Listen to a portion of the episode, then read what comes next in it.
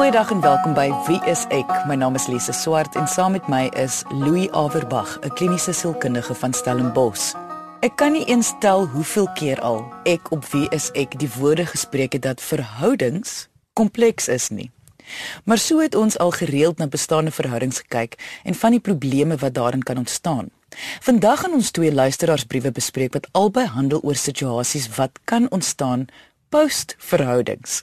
Ons gaan veral fokus op situasies waar die partye betrokke nog steeds tyd moet saam spandeer as gevolg van omstandighede buite hulle beheer. Hoe herëvalueer mens 'n verhouding wat nie gewerk het nie? Maar voor ons daardie vraag beantwoord, kom ons luister eers na die eerste brief van die dag. Louis en Lise Ek en my huismaat het vir 2 jaar 'n verhouding gehad. Aan die begin van die jaar het ons tot die besluit gekom dat ons nie meer in 'n verhouding kan wees nie, want ons verskil eenvoudig net te veel. Ons kan nie een bekostig om uit ons woonstel te trek nie, so ons bly nog saam. Vir die eerste paar maande was ons baie bewus van mekaar en het ons hard probeer om net as huismaat saam te woon. Nou is dit chaos. Ons baklei aan mekaar oor alles, van wie krag moet koop tot skottelgoed. Ek hoop dat ons 'n manier gaan vind om in harmonie te kan saamwoon en om dalk weer 'n verhouding aan te knoop. Hy is sonder enige twyfel die persoon vir wie ek die liefste is, selfs al maak hy my tans baie kwaad. Hy het ook die afgelope tyd baie aggressief begin reageer teenoor my. Nie fisies nie, maar hy raak woedend as ek volgens hom iets verkeerd doen. Hy raak ook baie meer geïrriteerd as wat ek hom nog ooit gesien het. Ek het nou alles probeer om hom weer gemaklik te laat voel. Ek maak seker die woonstel is netjies, die krag is gekoop, kos is daar, maar nog steeds raak hy kwaai. Wat kan ek doen om hom weer gelukkig te laat voel? Anoniem. Louis, ek weet nie van jou nie, maar ek glo dit is amper harder werk om hierdie situasie te laat werk as wat dit is om aan 'n verhouding self te werk. Ja, ek dink dit is want die definisie van die verhouding het radikaal verander. Hulle probeer dit nou terugverander na wat dit vroeër was, maar hulle kry dit nie reg nie. Want dit is regtig nie moontlik nie. En dit is dieselfde proses as wat mens baie keer sien by egpare se definisie van hulle verhouding wat verander het. As daar byvoorbeeld ontrouheid in die verhouding was en albei besluit goed, hulle gaan voort met die verhouding, en dan gaan hulle terug na hoe dit dinge was voor die tyd en probeer dit weer so hê. Dit kan egter nooit so werk nie omdat daar om die spreekwoord te gebruik te veel water onder die brug deurgeloop het. Dus wat nodig is is 'n nuwe verhouding. Al is dit baie soos die ou verhouding, dit sal egter nooit weer dieselfde kan wees nie. Natuurlik sal ons nou nie weet wat in hierdie man se kop aangaan nie, dat hy nou so geïrriteerd optree nie. Maar as ons as buitestanders moes raai, wat dink jy gaan aan? Kyk wat hier aangaan is die feit dat hulle nie meer net vriende is nie. Maar al sê hulle so, is daar 'n verwarring rondom die ding. Albei tree op om sekere manier asof hulle in 'n verhouding is. As mens die brief lees, dan lyk dit soos 'n verhoudingsmaats wat heeltyd met mekaar beklei die definisie in sy kop is dus onseker. Hy is onseker van is ons nou vriende of is ons nie. Sy irritasie is dus 'n uitbeelding van die simptome van presies wat daar aangaan. Ons weet nie genoeg hiervan af nie. Weet hy dalk miskien nog gevoelens vir haar. Miskien is hy baie kwaad vir haar oor die inhoud van wat ook al tussen hulle gebeur het. Mens kan nou nie te veel spekuleer nie, maar wat mens kan sê is dat as hy heeltemal gelukkig was dat hulle of net vriende is, of nie, dan sou hy nie geïrriteerd gewees het nie. Die feit dat sy nog heimlik hoop dat hulle weer 'n verhouding moet aanknoop, kan dit nie 'n rol speel in sy gedrag nie, want selfs al word daar geen woorde gespreek nie, voel 'n mens tog aan wanneer iemand meer van jou verwag as net 'n vriendskap. Natuurlik, ek dink dis een van die grootste faktore hier. Sy sê ook dat sy hoop dat hulle kan weer 'n verhouding hê. Dit beteken sy kommunikeer dit ook so, nie noodwendig in woorde nie maar in liggaamstaal, nie verbale gedrag, net die manier hoe mens optree. Tree jy anders op as daar in jou hart die hoop is van 'n romantiese verhouding as wat jy optree as wanneer dit bloot platonies is. Natuurlik doen sy dit nie met opset nie, want sy het nog hierdie gevoelens, sê sy self. Maar dit veroorsaak ongelooflike verwarring. Aan die een kant sê sy vir hom, luister, ons moet net vriende wees, maar aan die ander kant kommunikeer sy vir hom iets anders selfs al bedoel sy dit nie noodwendig. Jy luister na Wie is ek met Louie en Lise op RSG 100 tot 104 FM. Hoekom sê hy nie net vir haar wat hy ervaar nie in plaas van kwaad word vir alles? Kyk, jy vra nou hier 'n vraag wat altyd 'n misterie sal bly van menslike gedrag seker so lank as wat ons lewe. Is dit hoekom sê mense nie net eenvoudig wat in hulle koppe aangaan nie? Meeste mense gaan baie keer voort asof hulle aanvaar dat ander mense gedagtes kan lees. Dit bring jou by jou vraag. Hoekom sê hy dit nie net nie? Maar goed, dit's ook nie net so maklik nie. Want hier is nie 'n lekker forum vir kommunikasie nie. Onthou nou, hulle is mos nou sogenaamd net vriende. So jy gaan nie met mense met wie jy 'n vriendskap 'n sekere goed bespreek nie. En as mens kyk na wat jy hier sien by hom is woede. Hy's kwaad. En mens kan nie kwaad wees sonder om eers gefrustreerd te wees nie. Wat ek daarmee bedoel, woede kom uit blokkade uit. Blokkade beteken jy wil iets op 'n sekere manier hê, maar dis anders. Dit gebeur nie soos jy dit wil hê nie. Jy wil by die deur uitloop, maar jy kry dit nie reg nie, jy word geblokkeer. Dit lei tot aggressie, dit lei tot woede. So, ek dink dis deel van die hele situasie se wanbestuur as ek dit so mag noem wat ook daartoe lei dat hy nie kan praat nie, dat hy kwaad is, dat hy vir haar irriteer, en sy nou weer teenoor hom optree dat hy vies word en so gaan die sirkel voort. Wat ons dus sien, is daar het verandering plaasgevind, maar daar is nie veranderingsbestuur toegepas nie. As mens dit nou in prosesterme wil noem. Dinge verander, maar ons maak of dit nie so is nie. Ons stel nie nuwe definisies in nie. En dan is dit wanneer die chaos gebeur. Sy verwys ook daarna dat hulle tans ook baie argumenteer. Wat beteken sy raak eintlik ook kwaad vir hom?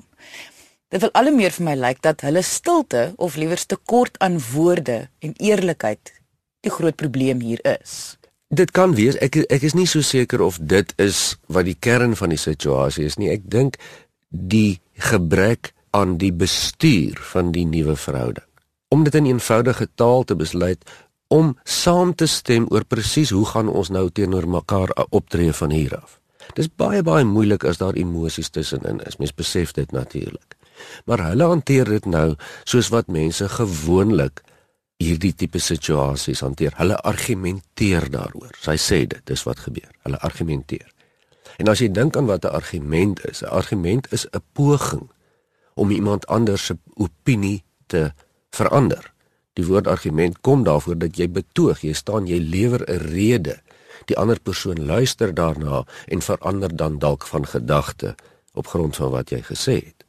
Afgesien daarvan dat mense in elk geval nie so argumenteer nie, weet ons dat om iemand se opinie te verander feitelik onmoontlik is. So hulle kies nou een van die swakste maniere om hierdie situasie te beredder en dis om te argumenteer want niemand gaan mekaar se opinie verander nie want daar is nie opinies wat verander hoef te word nie. So hulle liefdesverhouding het nie uitgewerk nie, maar dink jy dat dit tog moontlik is dat hulle nou 'n vriendskap kan handhaaf? Dit's natuurlik moontlik. En baie mense het dit al gedoen. Hulle leef saam, hulle met liefdesverhoudings en die verhouding verander en na 'n tyd kan mense regtig platoniese vriende wees. Dis baie moontlik. Maar ek weet nie of dit vir hulle nou onmiddellik moontlik is nie. Hier's te veel emosies en verwagtinge van haar af ten minste en dit lyk of dit van sy kant af is wat die kern van vriendskap bedreig. So as hulle net 'n vriendskap wil hê, is daar te veel faktore wat nou teen hulle is. Waarvan die grootste faktor is die terugslag van die liefdesverhouding. Wat beteken dit sal werk, maar eers oor 'n ruk. Indien hulle dit regkry om beter te kom ons noem dit kommunikeer en om in vrede saam te woon, dink jy hulle staan 'n kans om dalk weer 'n liefdesverhouding te laat maak werk omdat hulle nou dit regkry? Dis 'n dis 'n baie moeilike vraag.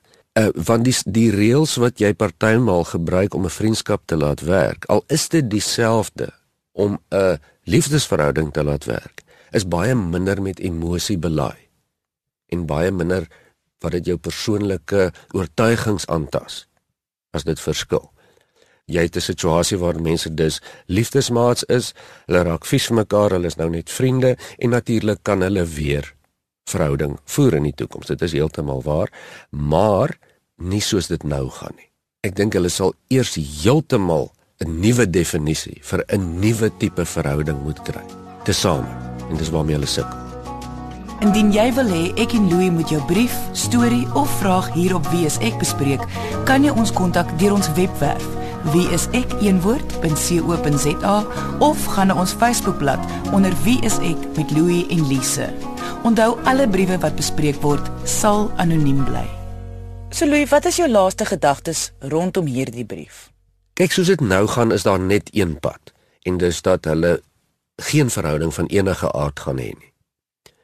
Dus sou dit ideaal wees dat hulle eers vir 'n ruk geografies apart bly. Hulle sê nou hulle kan dit nie doen nie. Maar daar is baie mense wat soos hulle ook nie kan bekostig om alleen te bly nie. Hulle hoef nie saam te bly nie. Kan baie moeite vat, maar ek sou baie sterk aanbeveel dat hulle nie 'n fisiese spasie deel nie. As dit regtig vir hulle belangrik is om 'n vriendskap te hê sal hulle baie moeite behoort te doen om hulle woonopset te verander. Of hy moet by iemand anders gaan bly of sy moet by iemand anders gaan bly.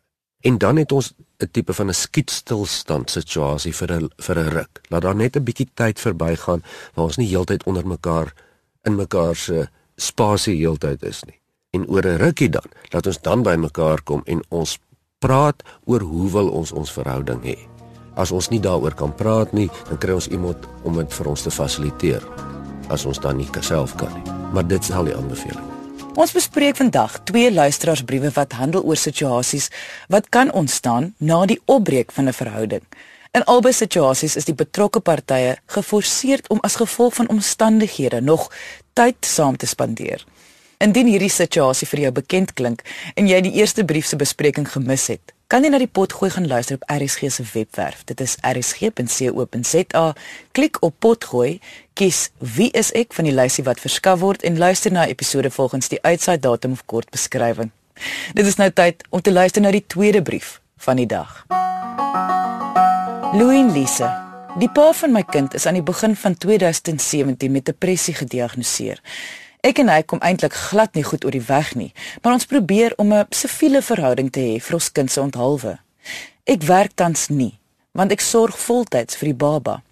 Dus sorg hy finansiëel vir ons albei. Ek waardeer die hulp regtig baie en hooplik gaan ek binnekort weer begin werk, maar ek dink die druk wat hierdie situasie hom ondersit, het sy depressie veroorsaak. Hy het 'n stresvolle werk. Hy het sy eie besigheid wat nie aldag 'n sukses is nie. Hy was nog altyd 'n wat mens noem 'n loner. Hy het 'n handjievol vriende en verder hou hy van alleen wees. Nou is hy elke dag by ons om sy kind te sien, om deel te wees van sy dogtertjie se lewe. Toe het hy 'n ineenstorting gehad in Januarie. Hy wou sy eie lewe neem en hy het vir 'n week net gelê in 'n donker kamer. Gelukkig het hy 'n psigiater gaan sien en medikasie gekry. Dit lyk of dit werk, maar hy raak nog steeds baie maklik geïrriteerd met alles. Ek soek 'n eerlike antwoord. Is dit ons situasie, sy werk of alles saam wat sy depressie veroorsaak? Indien ek 'n verskil kan maak, wat kan ek doen? Dankie. Louis, hierdie situasie is natuurlik baie meer kompleks omdat hier 'n kind betrokke is. Maar wie of wat dink jy het 'n rol gespeel in hierdie man se diagnose van depressie? Ag, dit is onmoontlik om te sê. Ons het geen idee nie maar ons kan definitief sê wat faktore is wat dit vererger of kom ons noem dit dan in stand hou op hierdie stadium en sy beskryf dit vir ons baie duidelik. Hy het skielik 'n kind. Hierdie is 'n ekstra verantwoordelikheid. Dis 'n geweldige groot lewensverandering. Hy het finansiële verpligtinge ekstra omdat hy 'n kind het. Ander woorde, hulle sou nie eintlik soos ek dit verstaan meer met mekaar kontak gehad het as daar nie eintlik 'n kind was nie. So hier's ekstra finansiële druk en soos sy sê gaan dit reeds nie goed nie. Hy is dan ook in 'n situasie wat hy met die ma van sy kind oor die weg moet kom wat hy nie eintlik noodwendig wil nie. En verder het ons dan hierdie hoë introversie van hom wat sy beskryf as ek dit reg verstaan. En hy wat natuurlik na sy kind verlang en elke dag daarop daag, kan ek verstaan maar dis nog steeds baie interaksie want hy moet met haar ook praat. En onthou, as 'n introwert vir al 'n introwert wat onderdruk is, het baie spasie nodig om energie te bou. En en wat mens dan sou raai is dit wat hy konstant moet uitsit om die werk aan die gang te hou, om vaderskap aan die gang te hou, die verhouding, al is dit net 'n goeie vriendskap met die ma van van hulle kind. Dit verg baie energie. en hy het nou in mekaar gestort. Daar is nie meer energie nie. Wat, wat ons hier sê is dat 10 teen 1 is hierdie man totaal uitgebrand. Ja, dit kan so eenvoudig soos dit wees dat jy kom op 'n punt wat jy regtig nie meer kan nie. En dis nie noodwendig altyd diep sielkundig nie. Baie keer is jy net eenvoudig so lewensmoeg van al die druk wat jy die afgelope tyd moes hanteer dat jy in mekaar stort fisies. Maak dit saak om te weet wat die depressie veroorsaak het. Ek bedoel, hy is tog nou daarmee gediagnoseer. Met ander woorde, is die hoekom enigsins ter sprake? Ja, jou jou vraag is ook baie wyer geldig. Dit geld vir die meeste situasies waaruit ons wil verander. Is dit dus belangrik om te verstaan hoekom ons noodwendig in die eerste plek daar is? En natuurlik is dit nie altyd nodig nie, maar as jy praat van 'n uh, eh, toestand soos veral depressie, dan moet ons onthou daar is meer as een komponent aan betrokke.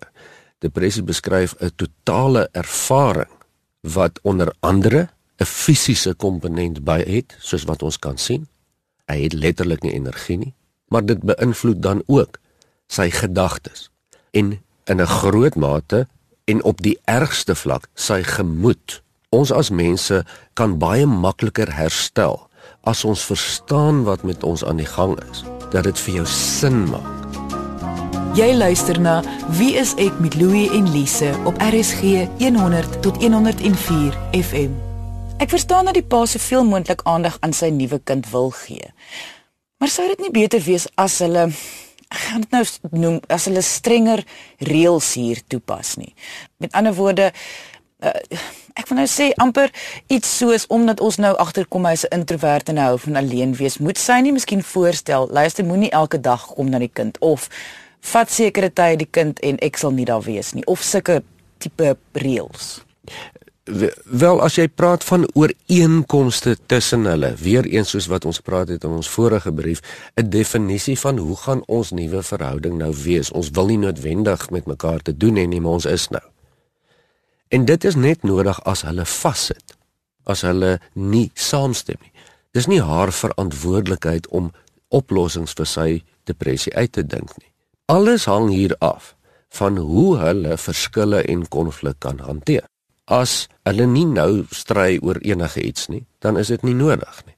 Maar as daar begin konflik kom en gewoonlik kom daar nou konflik oor die sin van die kleintjie of hoe dit ook al werk, dan sal hulle weer eens moet veranderingsbestuur doen, die verhouding het verander, hoe gaan ons dit nuut heroorweeg? Ek is nog nie heeltemal seker hoe iemand dit gaan doen nie.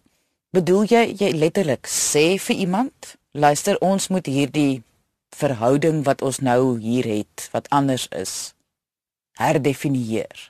Ons moet praat oor hoe hoe gaan ons dit van nou af bestuur? Is dit wat jy bedoel? Ja, dis presies wat ek bedoel en as jy dit nie self kan doen tussen mekaar nie, kry jy iemand anders om dit namens julle vir julle te help fasiliteer. En die beginsel hier is presies soos wat jy sê, soos 'n kontrak. Hoekom gaan mense wat in besigheidsvennootskappe ingaan Hoekom doen hulle soveel ontsettende moeite om voor die tyd kontrakte op te stel? Gedetailleerde kontrakte, want almal sal vir jou sê ons doen hierdie goed sodat ons nie later moeilikheid het met mekaar nie. Dis presies dieselfde beginsel. As jy in 'n besigheidsvennootskap soveel moeite moet doen, hoeveel te meer nie in 'n verhouding waar jy nog met mekaar moet saamleef of saam besluit oor kinders nie, nê. En dit doen mense glad nie. So ja, letterlik, jy moet gaan sit en 'n kontrak opstaan. Hoe verstaan ek wat jy bedoel van gereeld kom kuier? Is dit een keer of is dit 5 keer? Laat ons presies saamstem en 'n ooreenkoms het wat ons eintlik kan teken. Wat almal kan verstaan as hulle dit sou lees teoreties. Nou mens hoef nie so ver te gaan natuurlik om dit of swart of wit te sit nie. Maar selfs dit is nie 'n belaglike idee nie en baie keer word egpare wat geskei is byvoorbeeld deur die hof verwys om wat jy noem 'n ouerskapskontrak op te stel. Dis presies wat dit is as mense dit dan nie self reg kry nie. Net om duidelikheid te kry, wat bied so 'n tipe kom ons noem dit nou maar 'n kontrak vir 'n verhouding? Enige verhouding, liefdesverhouding, vriendskapsverhouding, hierdie ma en of ouers nou wat 'n kind moet deel wat nie meer saam is nie, wat bied so 'n kontrak vir 'n verhouding? Dit bied sekuriteit, sekerheid vir al die partye in hierdie verhouding wat baie belangrik is. die verwydering van onsekerheid. Met ander woorde, ek weet wat ek van my verwag word en wat ek van die ander persoon kan verwag. Maar bovenal is dit 'n vorm van konflikbestuur en ook een van die beste maniere om konflikte vermy. Ons kan byvoorbeeld teruggaan na ons kontrak en sê maar luister, ek en jy het albei ooreengekom. Ons sien mekaar 3 keer 'n week. Die afgelope ruk sien ons mekaar 5 keer 'n week. Moet ons die kontrak verander of kan ons hou by ons oorspronklike kontrak? Dis baie duidelik definieerbaar. Dis wat 'n kontrak is. En ek kan ook dink veral in hierdie situasie waar ons sit met 'n man wat duidelik dan nou uitgebrand het as gevolg van al die druk, hoe meer sekerheid hy het en dan die ma ook, hoe beter sal die verhouding gaan. Ja, want die hele situasie hang in 'n wolk van onsekerheid. Wat gaan hier gebeur? Wat se impak op finansiële situasie op hulle verhouding, op die verhouding met die kind in die toekoms? En as mens weet presies wat die grense is, wat kan jy doen, wat kan jy nie doen nie, dan kan die ander een nie so maklik vies word vir jou nie of jy vir die persoon nie. Dit is die kernmanier om konflik op te los deur verhoudinge of dit nou vriendskapsverhoudinge is of nie, is deur konstant kontrakte op te stel. En ek neem aan hierdie advies is dan ter sprake vir albei briewe wat ons vandag bespreek het. Ja, dit is absoluut van toepassing en die en en die, die beginsel weer eens is hier is verandering. Die oomblik as daar verandering op enige vlak in ons lewe is en ons doen nie veranderingsbestuur nie, dan het ons moeilikheid. En dit kan so eenvoudig wees soos om van een woning na 'n ander woning te verhuis. Wat is veranderingsbestuur in hierdie voorbeeld in hierdie voorbeeld? Jy doen jou beplanning, jy kyk wanneer jy daar moet wees, watter datum moet jy wat gedoen hê en hoe moet jou goed verpak wees. As jy dit nie doen nie, gaan jou trek jou hele verhuising en jou lewe baie swaarder wees. Of dit 'n besigheidsvennootskap, 'n vriendskap of 'n verhouding waar ons net moet ooreenkom oor ons gesamentlike kind is alles gaan oor ons gesamentlike verstaan van wat is ons voorin en wat is ons nie voorin nie. Indien jy enige vrae het oor vandag se onderwerp of oor die briewe wat ons bespreek het, kan jy ons kontak deur ons webwerf. Dit is wieisek.co.za of deur ons Facebookblad onder wieisek met Louie en Lise. Dankie dat jy vandag ingeskakel het. Ons maak weer so volgende Vrydag 12:30 net hier op RSG. Jy moet 'n heerlike naweek hê en onthou, kyk mooi na jouself.